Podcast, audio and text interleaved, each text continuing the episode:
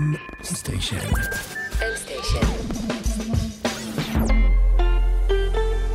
מבית מייקרוסופט בישראל. שלום וברוכים הבאים לעוד פרק של Buzzword מורה נבוכים. כמו תמיד נמצא איתי אור וייס, שלום אור. שלום עמית שוורצנברג, מה היום? היום אנחנו הולכים לדבר על פיצה שוב. בהמשך לפרק שלנו על cloud אתה מתכוון. בוודאי שאני מתכוון, זה, אמרתי לך שזה הפרק האהוב עליי למי שהקשיב, אני רוצה פרק יותר אהוב, כי כשמרימים רף כל כך גבוה שמדברים בו על פיצה, החלטתי להפוך את כל הפרק הזה, IaaS, SaaS, PaaS, וכל מה שביניהם, CaaS, MaaS, אני לא סתם ממציא אותיות עם A ביניהם, AA ושני אותיות בהתחלה, הם אשכרה מושגים אמיתיים שאנחנו עוד ניכנס אליהם במהלך הפרק. איך הם fuck, אז איך- הכל עם, הכל עם פיצה? כן, איך הם קשורים אוקיי. לפיצה, הכל עם פיצה. אז אה, בגלל שהדלקת אותי, אז אפשר עוד להזמין פיצה בינתיים. מה אתה אוהב על הפיצה? אה, אני אוהב Kubernetes על הפיצה שלי. אפשר שני Docker ים ואחד Kubernetes? תודה רבה. הפיצה תגיע אה, עד סוף הפרק, וככה כדי שנוכל לבוא ולהמשיך עם ה buzzword האהובים שלנו לעולמות הפיצה, אני אספר לך קודם כל מה עשיתי אתמול בערב. אוקיי. אחרי שהקלטנו את הפרק של ה cloud, אהה. הייתי ממש ממש בדודה לפיצה. הגיוני, עד פה. זה בגללך דרך אגב, אני משמין. אז הלכתי, פתחתי את השולחן המתקפל, לקחתי, אה, הוצאתי את הסודה סטרים, לקחתי מים לבקבוק, פיקקתי, גיזזתי, הדלקתי את התנור. אוקיי, אני לא חושב שככה מכינים פיצה. אתה- אצלי זה טקס, אור. אוקיי. תכבד את הטקס. אוקיי. הכנתי גם את הבצק, שמתי מים, קמח, אחרי שהכל טפח שעתיים, התחלתי לשים את כל המרכיבים לפיצה, חיממתי אותם בתנור, וזה היה ממש ממש טעים. אבל המון עבודה אור, המון עבודה. איך אתה חוסך לי את זה? אה, אני הייתי פשוט מזמין פיצה, אח שלי. אה, אוקיי. ועכשיו ניקח את זה לעולמות הענן, מה שאני עשיתי נקרא on premise, או on prem, אם דיברנו על אינסטוש ואינסטגרם והכל, אז אנחנו עכשיו נמצאים בחלק החמוד של הענן, או ה on prem, עשיתי הכל בבית. אור, השלב המתוחכם יותר, הוא בעצם, השלב הבא הוא Infrastructure as a Service, IaaS, I-A-A-S, ובמקום שאתה תבנה את כל התוכנה שלך אה, בעצמך ותביא את השרתים ותתחזק את זה פנימית ותחבר את הכל ברשת, אתה יכול אה, לצרוך את זה בענן מאחד מהספקים כמו אמזון, מייקרוסופט או גוגל. אז זאת האלגוריה שניסיתי להגיד. אהה, כן, עכשיו, עכשיו זה ברור לכולם, אני, אני חושב, מקווה, לא יודע. מקווה שהם לא יכולים להכין פיצה.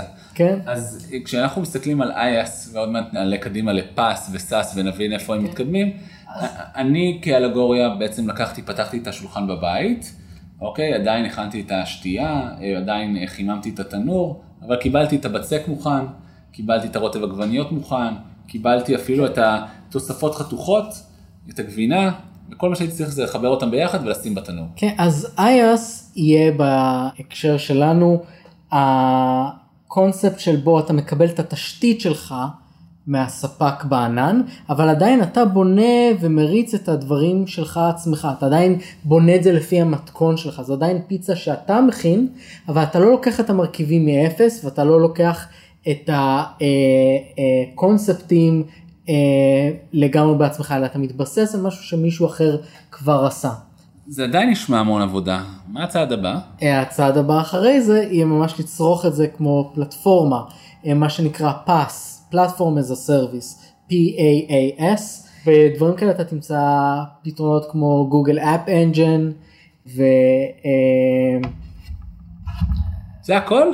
כן זה הכל. לא האמת. שרק גוגל אפ אנג'ן הוא מוצלח, האחרים די מאפנים. יש לך את אלסטיק בינסטוק ב-AWS, אני אישית לא כל כך אוהב אותו, אה, אבל כל מיני דברים שבהם אומרים לך, טוב תביא את הקוד שלך ותביא את הסביבת שרת שלך, אנחנו רק ניתן לך את המעטפת מסביב. אז בעצם אם אני מסתכל על מה שאמרת כעולמות הפיצריה זה פשוט להזמין, להזמין פיצה? אני עדיין דואג לשולחן, אני עדיין דואג לשתייה, אבל כל השאר עשו בשבילי? אה, לא, סתם כן. אוקיי, אבל אתה יודע, אין לי כוח, שולחן שמתקפל והוא חורג גם, אין לי כוח לפתוח אותו ולקפל וגם להגיש לעצמי את השתייה, ללכת למקרר, לחזור. יש פתרון יותר פשוט? אה, כן, אתה יכול פשוט ללכת לפיצריה ולאכול שם. ואיך זה קשור לעולמות הענן? אז זה יהיה משהו כמו uh, SAS, Software as a Service, S-A-A-S, אה, שבו אתה פשוט מקבל את השירות מקצה לקצה בלי שאתה מתחזק אף רכיב חומרה או תוכנה. דוגמאות למוצרי SaaS, אה, למשל Salesforce, Gmail, Spotify, YouTube, רשימה עוד יחסית ארוכה של דברים, כמעט הכל היום זה SaaS. זה ממש היה pizza as a service כ cloud ב bite size? הבנת מה עשיתי פה? אה, כן. אז אה, אור, כפי שהבטחתי לך, יש לנו היום אה, אורח מאוד מיוחד, והוא ילמד אותנו לא איך עושים מזה כסף, אלא איך בונים מזה ביזנסים ברבים. נמצא איתנו היום לא אחר מתומר סימון. דוקטור תומר סימון, היום. הבאנו ברמה גבוהה, אקדמית. אני יכול להגיד לך שהוא גם מהעתידן של מייקרוסופט בישראל, וגם אה, יש לו פרויקטים מאוד מעניינים בכל האזור, אבל אה, תומר, נתנו ככה איזשהו פתיח. נשמח לשמוע על עצמך מעצמך, מה שנקרא. אז קודם כל נעים להכיר ושמח מאוד להתארח ב- בפודקאסט, אז אה, תומר סיימון, סמנכ"ל טכנולוגיות לאומיות במייקרוסופט ישראל, ובאמת עושה גם אה, באותו, כמו שאמרתם, עתידנות, ובתוך מייקרוסופט וגם אה, מול הלקוחות אל מול כל האזור. אה, מעולה, אז אה, אני ככה חוזר, איך, איך עושים מזה כסף, או במקרה שלך, ברמה הלאומית, איך עושים מזה ביזנס? איפה המהפכה או הטרנספורמציה הדיגיטלית שבעצם תכניס ביזנס חדש לישראל, עוד כסף, ובעצם תניע את גלגלי הכלכלה?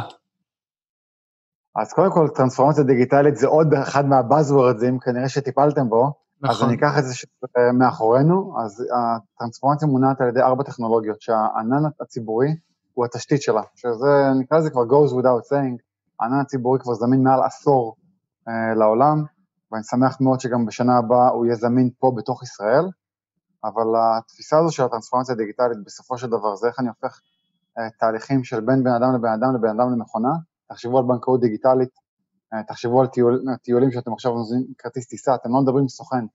נכנסים לגוגל, נכנסים לבינג, מזמינים את הכרטיס וזה לא עובר לסוכן נסיעות, זה נסגר התהליך. ואת כל ה scale הזה, את כל מה שאנחנו רואים, רק אפשר לעשות אה, בעזרת הענן הציבורי, שמאפשר לנו להתמקד בצד העסקי ולא לטפל בתשתיות. אני לא צריך עכשיו לתחזק חדר שרתים, אני לא צריך לרכוש אותם, אה, לפצ'פץ' אותם, אה, לנהל אותם, לעדכן אותם, להתקין.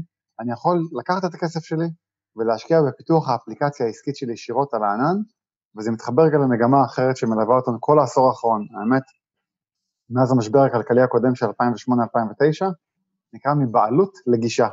אני לא צריך את הבעלים של המשאב, אני צריך גישה למשאב. וקחו את זה, אם עכשיו אתם הולכים להקים סטארט-אפ, אתם לא תחשבו אפילו לקנות נדל"ן או לשכור שטח, אתם תעבירו כרטיס אשראי, תלכו ל-WeWork או ל-Mindspace, לא משנה למי, אתם לא תחשבו מהמם. אם זה בתל אביב לקנות רכב, אתם תעבירו כרטיס אשראי ותהיה לכם אוטוטל, ואותו דבר, אתם לא תחשבו לפתוח חדר שרתים. אתם תעבירו כרטיס אשראי ותלכו לענן הציבורי. כל החברות הגדולות מדברות על סרוויסים היום. פעם דיברו על אינוביישן, נכון. היום הם מנסים כל דבר להפוך לסרוויס. הסר... זה שמשהו נצרך כסרוויס, זה בעצם ה-innovation. Uh, תומר, הזכרת בעצם שאנחנו הולכים uh, לזכות ב-Cloud Region של אג'ור פה בישראל. מה, מה זה בעצם אומר? נכון, אז קודם כל זה במסגרת אותה מחויבות אסטרטגית וארוכת שנים, כבר מעל 30 שנה שמייקרוסופט פה פועלת בישראל. בינואר השנה, שזה נקרא, נראה ages ago, לפני הקורונה, לפני שהתחילה, שעוד לא ידענו מה הולך להגיע, היינו אופטימיים על 2020. הכרזנו פה על אה, הקמת region, ו region זה ממש להביא hyperscale cloud data center ראשון לישראל, אה, שזה מביא את, האמת את שלושת העננים של מייקרוסופט, זה לא רק את Azure, זה גם Azure, גם ה Office 365, כל המשפחה, וגם ה Dynamics 365. אני יכול להגיד בתפיסה של hyperscale, זה גם תפיסת הטכנולוגיה, העומס וכמות השרתים, רגע אני אומר בסוף הפיזיקה, אה, זה יותר גדול אם אנחנו ניקח כמעט את כל הדאטה סנטרים בישראל ביחד, נחבר אותם, וזה עדיין יהיה גדול יותר ממה שאנחנו הולכים לפתוח פה בסוף השנה.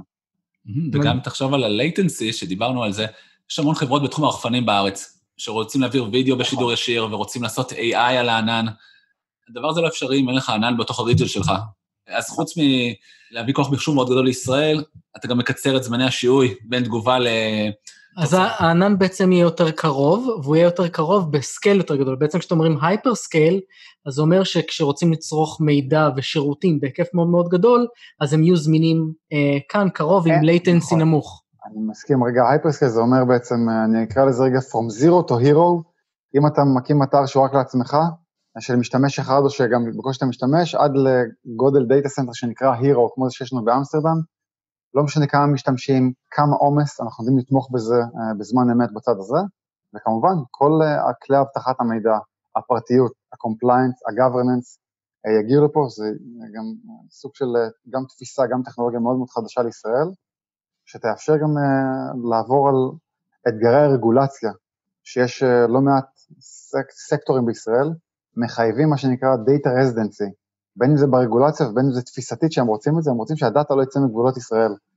אז היום אין את היכולות האלה בישראל, אין ענן ציבורי בישראל, אי אפשר להנגיש את הבינה המלאכותית, את, את הכוח הזה, את הקוסמוס DB, דאטה לייקים חזקים, ועצם זה שזה יהיה פה בישראל, זה יאפשר למוסדים, לבנקים, לחברות הביטוח, למערכת הביטחון, לממשלה, לאמץ טכנולוגיות מאוד מאוד מתקדמות שלא היו זמינות להם קודם. אז בעצם כל האזרחים ייהנו מזה. אם מסתכלים על ה-JEDI Project, מדברים על 10 אה, מיליארד דולר שהצבא האמריקאי קיבל בשביל אה, לשעתק אה, את הענן של מיקרוסופט לענן פרטי. אם בארצות הברית זה נקרא ג'די, איך זה הולך להיקרא בעברית? המכבים, לא? מכבים זה לא רע, אולי, או החשמונאים. יהודה המכבי, כן. אמ, אז כן, אבל חלק מהתהליך, דיברת על זה גם ב Ignite, התרומה של אג'ור לישראל, על, אה, על השלוש שנים מאז שהוא נפתח, זה מעל שמונה וחצי מיליארד דולר לתמ"ג, לתוצר המקומי הגולמי. זה וואו. מעל 29 מיליארד דולר, אה, שקל, סליחה, אם אני מתרגם את זה לשקלים, התוספת, זה הולך ליצור מעל 23 אלף, 23 אה, אלף משרות בתהליך הזה, עם השפעה מאוד מאוד גדולה על ה ecosystem הישראלי, וזינוק קדימה דרך השותפים, דרך הטכנולוגיה, דרך כל התפיסות של הענן שמביא איתו. אנחנו מדברים איך עושים מזה כסף בדרך כלל, אבל מסתבר איך עושים איזה... איך עושים איזה כלכלה כן. של מדינה. טוב, זה הכל, נכון, אתה יודע, הכל סדרי גודל של כסף. אה, נכון, אני אחבר ברשותך את זה רק לעוד משהו אחד שאמרת על זמני השיעוי. באוגוסט האחרון, לפני אה, שלושה חודשים, נקרא לזה, יצאנו פה לדרך עם 5G, עם דור חמישי בישראל. דור חמישי, שאנחנו רואים, וזה מה שמייקרוסופט עושה, אנחנו רואים שזה עובד הכי טוב עם ענן ציבורי. שכוח העיבוד של כמות המידע ש-5G מאפשר, זה רק עם ענן ציבורי, ופה אנחנו גם אנחנו נראה הרבה מאוד uh, תרומה uh, לשוק ולחדשנות פה בישראל. באמת נעשה גם עוד פרק על ה-5G, ונדבר יותר על המהפכה הגדולה הזאת. Uh, לרובנו כיום יש 4G על הטלפון, או 4G. אני אתן לך דוגמה למה שאפשר לעשות ב-5G, למשל AR Cloud, Augmented Reality Cloud, נוכל לקחת את העולם הדיגיטלי ולהעביר אותו לעולם הפיזי, בגלל שה-latency שלנו יהיה כל כך נמוך, ובגלל שנוכל לקבל את כל החישובים הגיאומטריים הקשים האלה שצריך לעשות לעיבוד תמונה, בצורה כן. נורא נורא מהירה. אולי ככה לתת, ניתן uh, טעימה ככה למאזינים שלנו מהפרק שהיא על uh, 5G. אני מעדיף שתומר ייתן, כי הבאנו כאן אוקיי. את אחד האנשים שמובילים את מהפכת ה-5G בישראל, את חברת מייקרוסופט העולמית. אז תן לנו טעימה, מה זה 5G, תומר? 5G זה הדור הבא של רשתות הסלולריות, שזה מאפשר גם קצב העברת נתונים, הורדה והעלה אחר לגמרי, זה בדרך כלל פי 100 ממה שאנחנו הכרנו עד עכשיו, אבל זה לא רק זה, היום ב-4G אה, שלא הוטמע, דרך אגב, המכרז שפורסם, או הדרך שעכשיו עושים בשוק, זה א', לתקן ולהשלים את הפריסה של 4G, לעבור ל-voice over IP מלא, אה, מה שנקרא וולטה, אבל גם לאפשר עכשיו צפיפות חיישנים אחרת. אנחנו הולכים לערים חכמות, רכבים אוטונומיים, IoT, כמות דיווייסים אחרת. אם היינו מממשים את זה על דור 3 או דור 4, ככל שיש יותר דיווייסים, האיכות הולכת ויורדת. גם המהירות וגם קצב, קצב המידע, ופה ב-5G אנחנו הולכים לאפשר, לא יהיה שינוי במהירות הזאת, וגם אם זה, זה פי עשרת אלפים, יותר דיווייסים יכולים להיות על אותם אזורים, וזה הולך לתת לנו את הערים חכמות, בריאות מחוברת, תעשייה חכמה, חקלאות מדייקת, ערים בטוחות, הרבה מאוד שימושים uh, uh, לשינוי המדינה ופני הכלכלה פה. מדהים. אני רק רוצה להוסיף שתומר דיבר קודם על איגנייט, שזה הכנס הכי גדול שיש למייקרוסופט בעולם. תוכלו לשמוע אותו גם לדבר על ה-Edge Computing, שהכל מתחבר, הענן, 5G, Edge Computing, אנחנו כמובן נעשה על זה פרקים ולא ניכנס יותר לעומק, אבל חפשו תומר סימון, אפילו איגנייט, ותוכלו לשמוע המון המון חומרים אה, מוחלטים ולא לחכות לפרקים שלנו שיהיו מוכנים. אה, למעשה בתור עתידן הוא כבר עשה את העתיד של כל הפרקים שלנו. אה, אבל אולי באמת נדבר עוד קצת על העתיד. אז עכשיו דיברנו הרבה על, על ההווה ומה שעומד לקרות בעתיד המיידי. הצמיחה של התשתיות ענן פה, הדברים שזה יעשה עבור Edge Computing, מה אתה צופה שיקרה עוד uh, מעבר, העתיד היותר רחוק, בענן, במחשוב, מה, מה אתה חושב שהולך להיות מעניין שם? תראה, אנחנו רואים פה, אה, העולם הולך, למרות שיש את המגמה של הענן אה, הציבורי, יש גם את העולם הזה של ה-IoT, וחלק מהתהליך שחווינו גם שמונה שנים האחרונות, מ-2012, עולם ה big data, בהתחלה שלחנו את כל המידע לענן, כדי לנתח אותו שם. היום אנחנו מבינים שזה לא נכון, ואין צורך. יש לנו את ה-Edge Computing. מיקרוסופט מאוד מאוד חזקה שם בכל המשפחה של ה-Azure Stack למיניה, שמאפשרת בעצם לקחת את ה-AI, לשים אותו בקצה וליהנות מהסקייל של הענן מאחורה, אבל עדיין לתת את היכולות האלה ממש ממש בקצה, ופה זה אותו היברידיות שאנחנו רואים, אה, וגרטנר אמרו שעד 2025 50% מהמידע יעובד בקצה בסופו של דבר, והקצה הזה זה איפה שאנחנו חיים, זה בסמארטפון, אה, זה ברכב, אה, זה במקרר נקרא לזה, זה בטוסטר החכם, בטלוויזיה שלנו וגם כמובן בבתי חולים ובמפעלים. וגם בעצם בתחנות הסלולר שהזכרנו שנפרסות כחלק מה-5G. נכון, זה גם, אני אומר, מה שגם מייקרוסופט עושה עם AT&T בארצות הברית, זה לפרוס את זה ברחבי ארה"ב 5G וענן ציבורי אחד ליד השני, כדי לאפשר את כל הפריחה הכלכלית הזאת. זה נורא נחמד שאתה מדבר על מה שפתחנו איתו, על המעגלות הטכנולוגית הזאת, שפעם היה מיין פריים, ואז הורידו את זה ל-PC, חזרנו לענן, ירדנו למובייל וכן הלאה וכן הלאה, אז ההייבריד של ה-Edge Cloud, זה אומר שאנחנו לקחת שרתים מאוד חזקים, ובמקום ללכת ל-Eero שדיברת עליו, או השרת הענק והחזק, אנחנו יכולים לפזר מחשבים באמצע, ויוצרים פה איזשהו אה, נכון. מבנה היברידי. וזה, אז עשינו פול סרקל ככה מההתחלה. יש לי עוד שאלה לדברים שדיברת מקודם. הזכרת את הרגולציה ואת הקטע שאי אפשר להוציא מידע מחוץ לישראל. איזה מהפכה זה מבחינת, אה, נגיד, ניקח את הצבא, או בית חולים שכרגע לא יכול להשתמש בענן, כי הוא לא יכול אה, לגשת אה, לנתונים של החולים שלו, לנתונים ביטחוניים החוצה, ופתאום כל העולם הזה של הענן, מה שדיברנו עליו, של הפס, שאתה, ושל הסאס, שאתה פתאום יכול להשתמש בשירותים שיכולים להאיץ פיתוח ושירותים של בינה מלאכותית, איך זה ישפיע על הסקטור הפרטי דווקא, לאו דווקא על, על הסקטור הציבורי. אז תראה, בוא ניקח את הדוגמה הכי, הכי פשוטה, קורונה, המגיפה הזאת פגעה בשרשרות האספקה. היום אם אתה עסק קטן או חברה, אתה צריך היום, ואתה מנהל את השרתים בחדר השרתים שלך, אתה רוצה להזמין עכשיו, לעשות אפליקציה, אתה צריך להזמין שרת כנראה, ייקח לו היום שלושה, ארבעה חודשים, ואולי חצי שנה עד שהוא יגיע. אה, אתה מתחרה בענקיות אחרות שנלחמות על השרתים האלה, אמ, וזה רק ההמתנה לשרת על ההתקנה, ואז זה אומר שאתה צריך להתקין את הכל. אה, אתה צריך להחזיק הרבה מאוד אנשים שישלטו ברשת, באפליקציות, לתחזק אפילו את ה database, את, המפתחים, במקום רגע לקחת את כל הכסף הזה, ומהיום למחר להרים את המערכת בענן.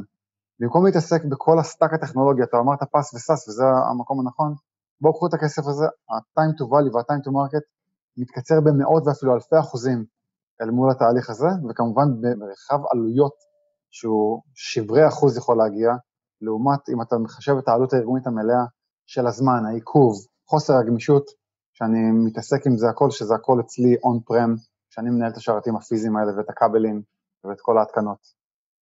רציתי לשאול אותך, שאלת פיקנטריה, אנחנו לא יכולים לציין איפה יהיה הענן המקומי, אבל אשמח לשמוע על התקינה של זה, כדי ש... לא אמרת שזה ליד אה, סביח עובד? לא, הזיזו את זה, רצו, אבל לא היה מקום. אוקיי. דורש אוקיי. אה, הרבה הרבה שטח. טוב, אז ספר לי אחר כך. אבל מבחינה רגולטורית, כדי לבוא ולשים ענן, הוא צריך להיות למשל אה, עמיד ברעידת אדמה, בטילים. אני אשמח לשמוע למה אני לא יכול, אני ואור לא יכולים לפתוח ענן ולהתחיל למכור אותו. אז אתה צודק לגמרי, יש לא מעט תקינות שאחת מהן זה התקינה הפיזית, וזה כמובן משתנה מגיאוגרפיה לגיאוגרפיה. במקרה של ישראל, ישראל, כמו שידוע, תחת מרחב איומים מאוד מאוד גדול, בין אם זה איומים צבאיים, בין איומי מזג אוויר ובין איומים גיאולוגיים, כמו רעידות אדמה. אז זה כמובן, אנחנו בונים data center שהוא ב Tier 4, או כלומר בתקן הגבוה ביותר הקיים בעולם, ובנוסף על זה הוספנו לזה גם הגנה מ-EMP, Electromagnetic Pulse, שזה גם אחד היחידים בעולם ב scale הזה שמאפשר את זה, וזה פה לאפשר למרחב של ישראל גם את הביטחון בתהליך של אותו מה שנקרא Business Continuity ו-Disaster Recovery, שזה לאפשר יציבות תפקודית לכל המשק, הפרטי, הציבורי, הממשלתי. דיברת על כל האפשרויות האלה של edge computer, אני רוצה לקחת אותך אפילו עוד יותר רחוק.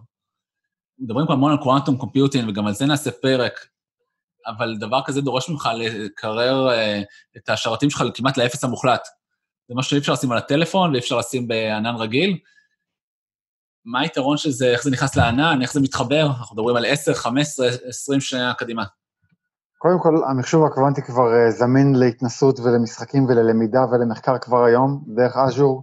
אפשר להגיע לשלוש חומרות שונות, מסוגים שונים, לא ניכנס לזה, כמו שאמרתי, יהיה פרק אחר, אבל אז זה על חמישה מילי קלווין מהאפס המוחלט, חמש אלפיות המעלה מעל האפס המוחלט, פי מאה יותר קר מהחלל החיצון, אה, וכלומר זה לא יהיה לנו לפטופ קוונטי לא בקרוב, לא בעשור הקרוב ולא ב-15 שנה הקרובות, וכנראה יכול להיות שלא לעולם, כי זה, המחשוב הקוונטי נועד לפתור בעיות מאוד מסוימות, אבל הכוח שלו, שהוא מגיע בענן, הפיתוח הקוונטי תמיד צריך פיתוח קלאסי לידו.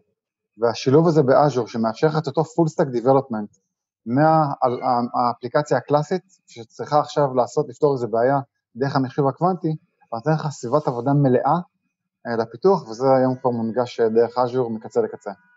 אז באמת הזכרת את זה, יש את אה, ספאט קיו-שארפ, למי שרוצה להסתכל, נשים כמובן לינקים, אבל אמרת שיש כל מיני ביזנס יוז קייס שרק קוונטום יכול לפתור. אתה יכול נכון. ככה לחשוף אותנו עליהם ב-i-level? כן, אז תראו, יש כמה בעיות שהגענו לקצה היכולת של המחשוב לפתור, אנחנו גם בסוף עידן הסיליקון, אנחנו רואים את זה, את התחרות, מה שקורה עם כל הרכישות בעולם הזה, יש כבר את מה שנקרא דארק סיליקון, אבל המחשוב הקוונטי זה לפתור בעיות כמו ייצור מזון, אה, מציאת תרופות חדשות, שכבר מעל שני עשורים אנחנו לא, לא מפתחים אנטיביוטיקות חדשות, כי פשוט הגענו לקצה גבול היכולת אה, של מחשוב ושל סימולציה בתהליכים האלה. רגע, בתהליכים של מדע החומרים, הגענו לגבולות שאנחנו לא יכולים לפתור, לא משנה אם ניקח את כל אג'ור, את כל העננים ביחד, נחבר אותם, המחשוב הקלאסי ייקח לו בזמן גיאולוגי, כלומר בעשרות מיליונים או מיליארדי שנה לפתור, מה שמחשב קוונטי יכול בדקות או בימים, ולפעמים בחלק מהדברים אפילו בשניות אה, לפתור, כי הוא פשוט עובד בצורה אחרת לגמרי, ותאפשר לנו לקדם את המדע הבסיסי, ובסוף את כל איכות החיים ותוחלת החיים שלנו על פני כדור הארץ. טיזר מדהים לפרק על קוונטם? אה, כן, אני כבר אה, סקרן להאזין לו. נכון. אז תומר, לקראת סיום, רוצים לשאול אותך אם יש לך המלצה לספר או סדרה שכדאי למאזינים שלנו לבוא ולהאזין. או לצפות. וואו. זה סרט, כן. כן, אתם רוצים מה, סדרת fun או שקשור לענן? מה שבא לך. מה שבא לך. זה השלב שלך להמליץ ולהפיץ את... לקהל. מה, מאיזה ספר, סדרה, סרט אתה נהנית לאחרונה? תראה, אני יכול להגיד, הטרילוגיה שבאמת נקרא לזה mind blowing, זה של סיקסין ליאו סיני, זה נקרא The Free Body Problem. האמת שהם... לא- זה המלצה מצוינת, אבל אמיר שבט, שאולי אתה מכיר אותו גם, המליץ על זה אה, על הפרק של אה, Developer Stacks. גם אתה המלצת עליו באחד הפרקים. כן. נראה שמי שלא קרא את הספר הזה, שלא יעבוד בטק. זה, אני, קודם כל אני מסכים. אז אני נמצא שמתקילים אותך בעוד המלצה אפילו. לא, לא, אין בעיה, אז אני רגע הולך לספר בכיוון אחר, אוקיי? אוקיי. ספר של תומאס סיבל, אותו סיבל שהקים את סיבל CRM, כתב ספר על, על Survive and Thrive in the Digital Age, שזה ממש על, על, על הסיפור של הטרנספורמציה הדיגיטלית. או, זה הספר היחיד, קראתי, אני אומר רגע, את כל המאמרים האקדמיים בנושא וכמעט את כל הספרות, הספר היחיד שבאמת מסביר את זה בצורה ש-digestible ונחמדה לקרוא, הוא נותן את הסקירה מה זה הענן, מה זה המשמעות שלו, מה זה עולם של IoT, איך זה מתחבר לביזנס, איך זה מתחבר לבינה המלאכותית, וזה ספר שאני מאוד מאוד ממליץ עליו. מעולה, תודה רבה תומר. אה, אור, דברי סיכום? נראה שהענן זה משהו שפרץ לחיינו בעשר שנים האחרונות, והוא רק הולך להמשיך להתפרץ עוד ועוד ולגדול לעוד uh, תחומים. אני אישית uh, מתרגש uh, לראות את זה גדל, ומחכה לרגע שיאפשרו לי לעלות לתוכו גם. Uh, ואני מצפה לפגוש אותך, תומר, שם, ועמית, אתה גם מוזמן, זה בסדר. וכפי שתומר גם סיפר על כל מיני דברים שהעתיד צופן לנו, אז uh, מי שרוצה לעשות מזה כסף, שיאזין, יקשיב וינסה לחשוב איך מגלגלים את זה הלאה. תודה רבה, תומר. אה, תודה, עמית, ותודה לכם, מאזינים.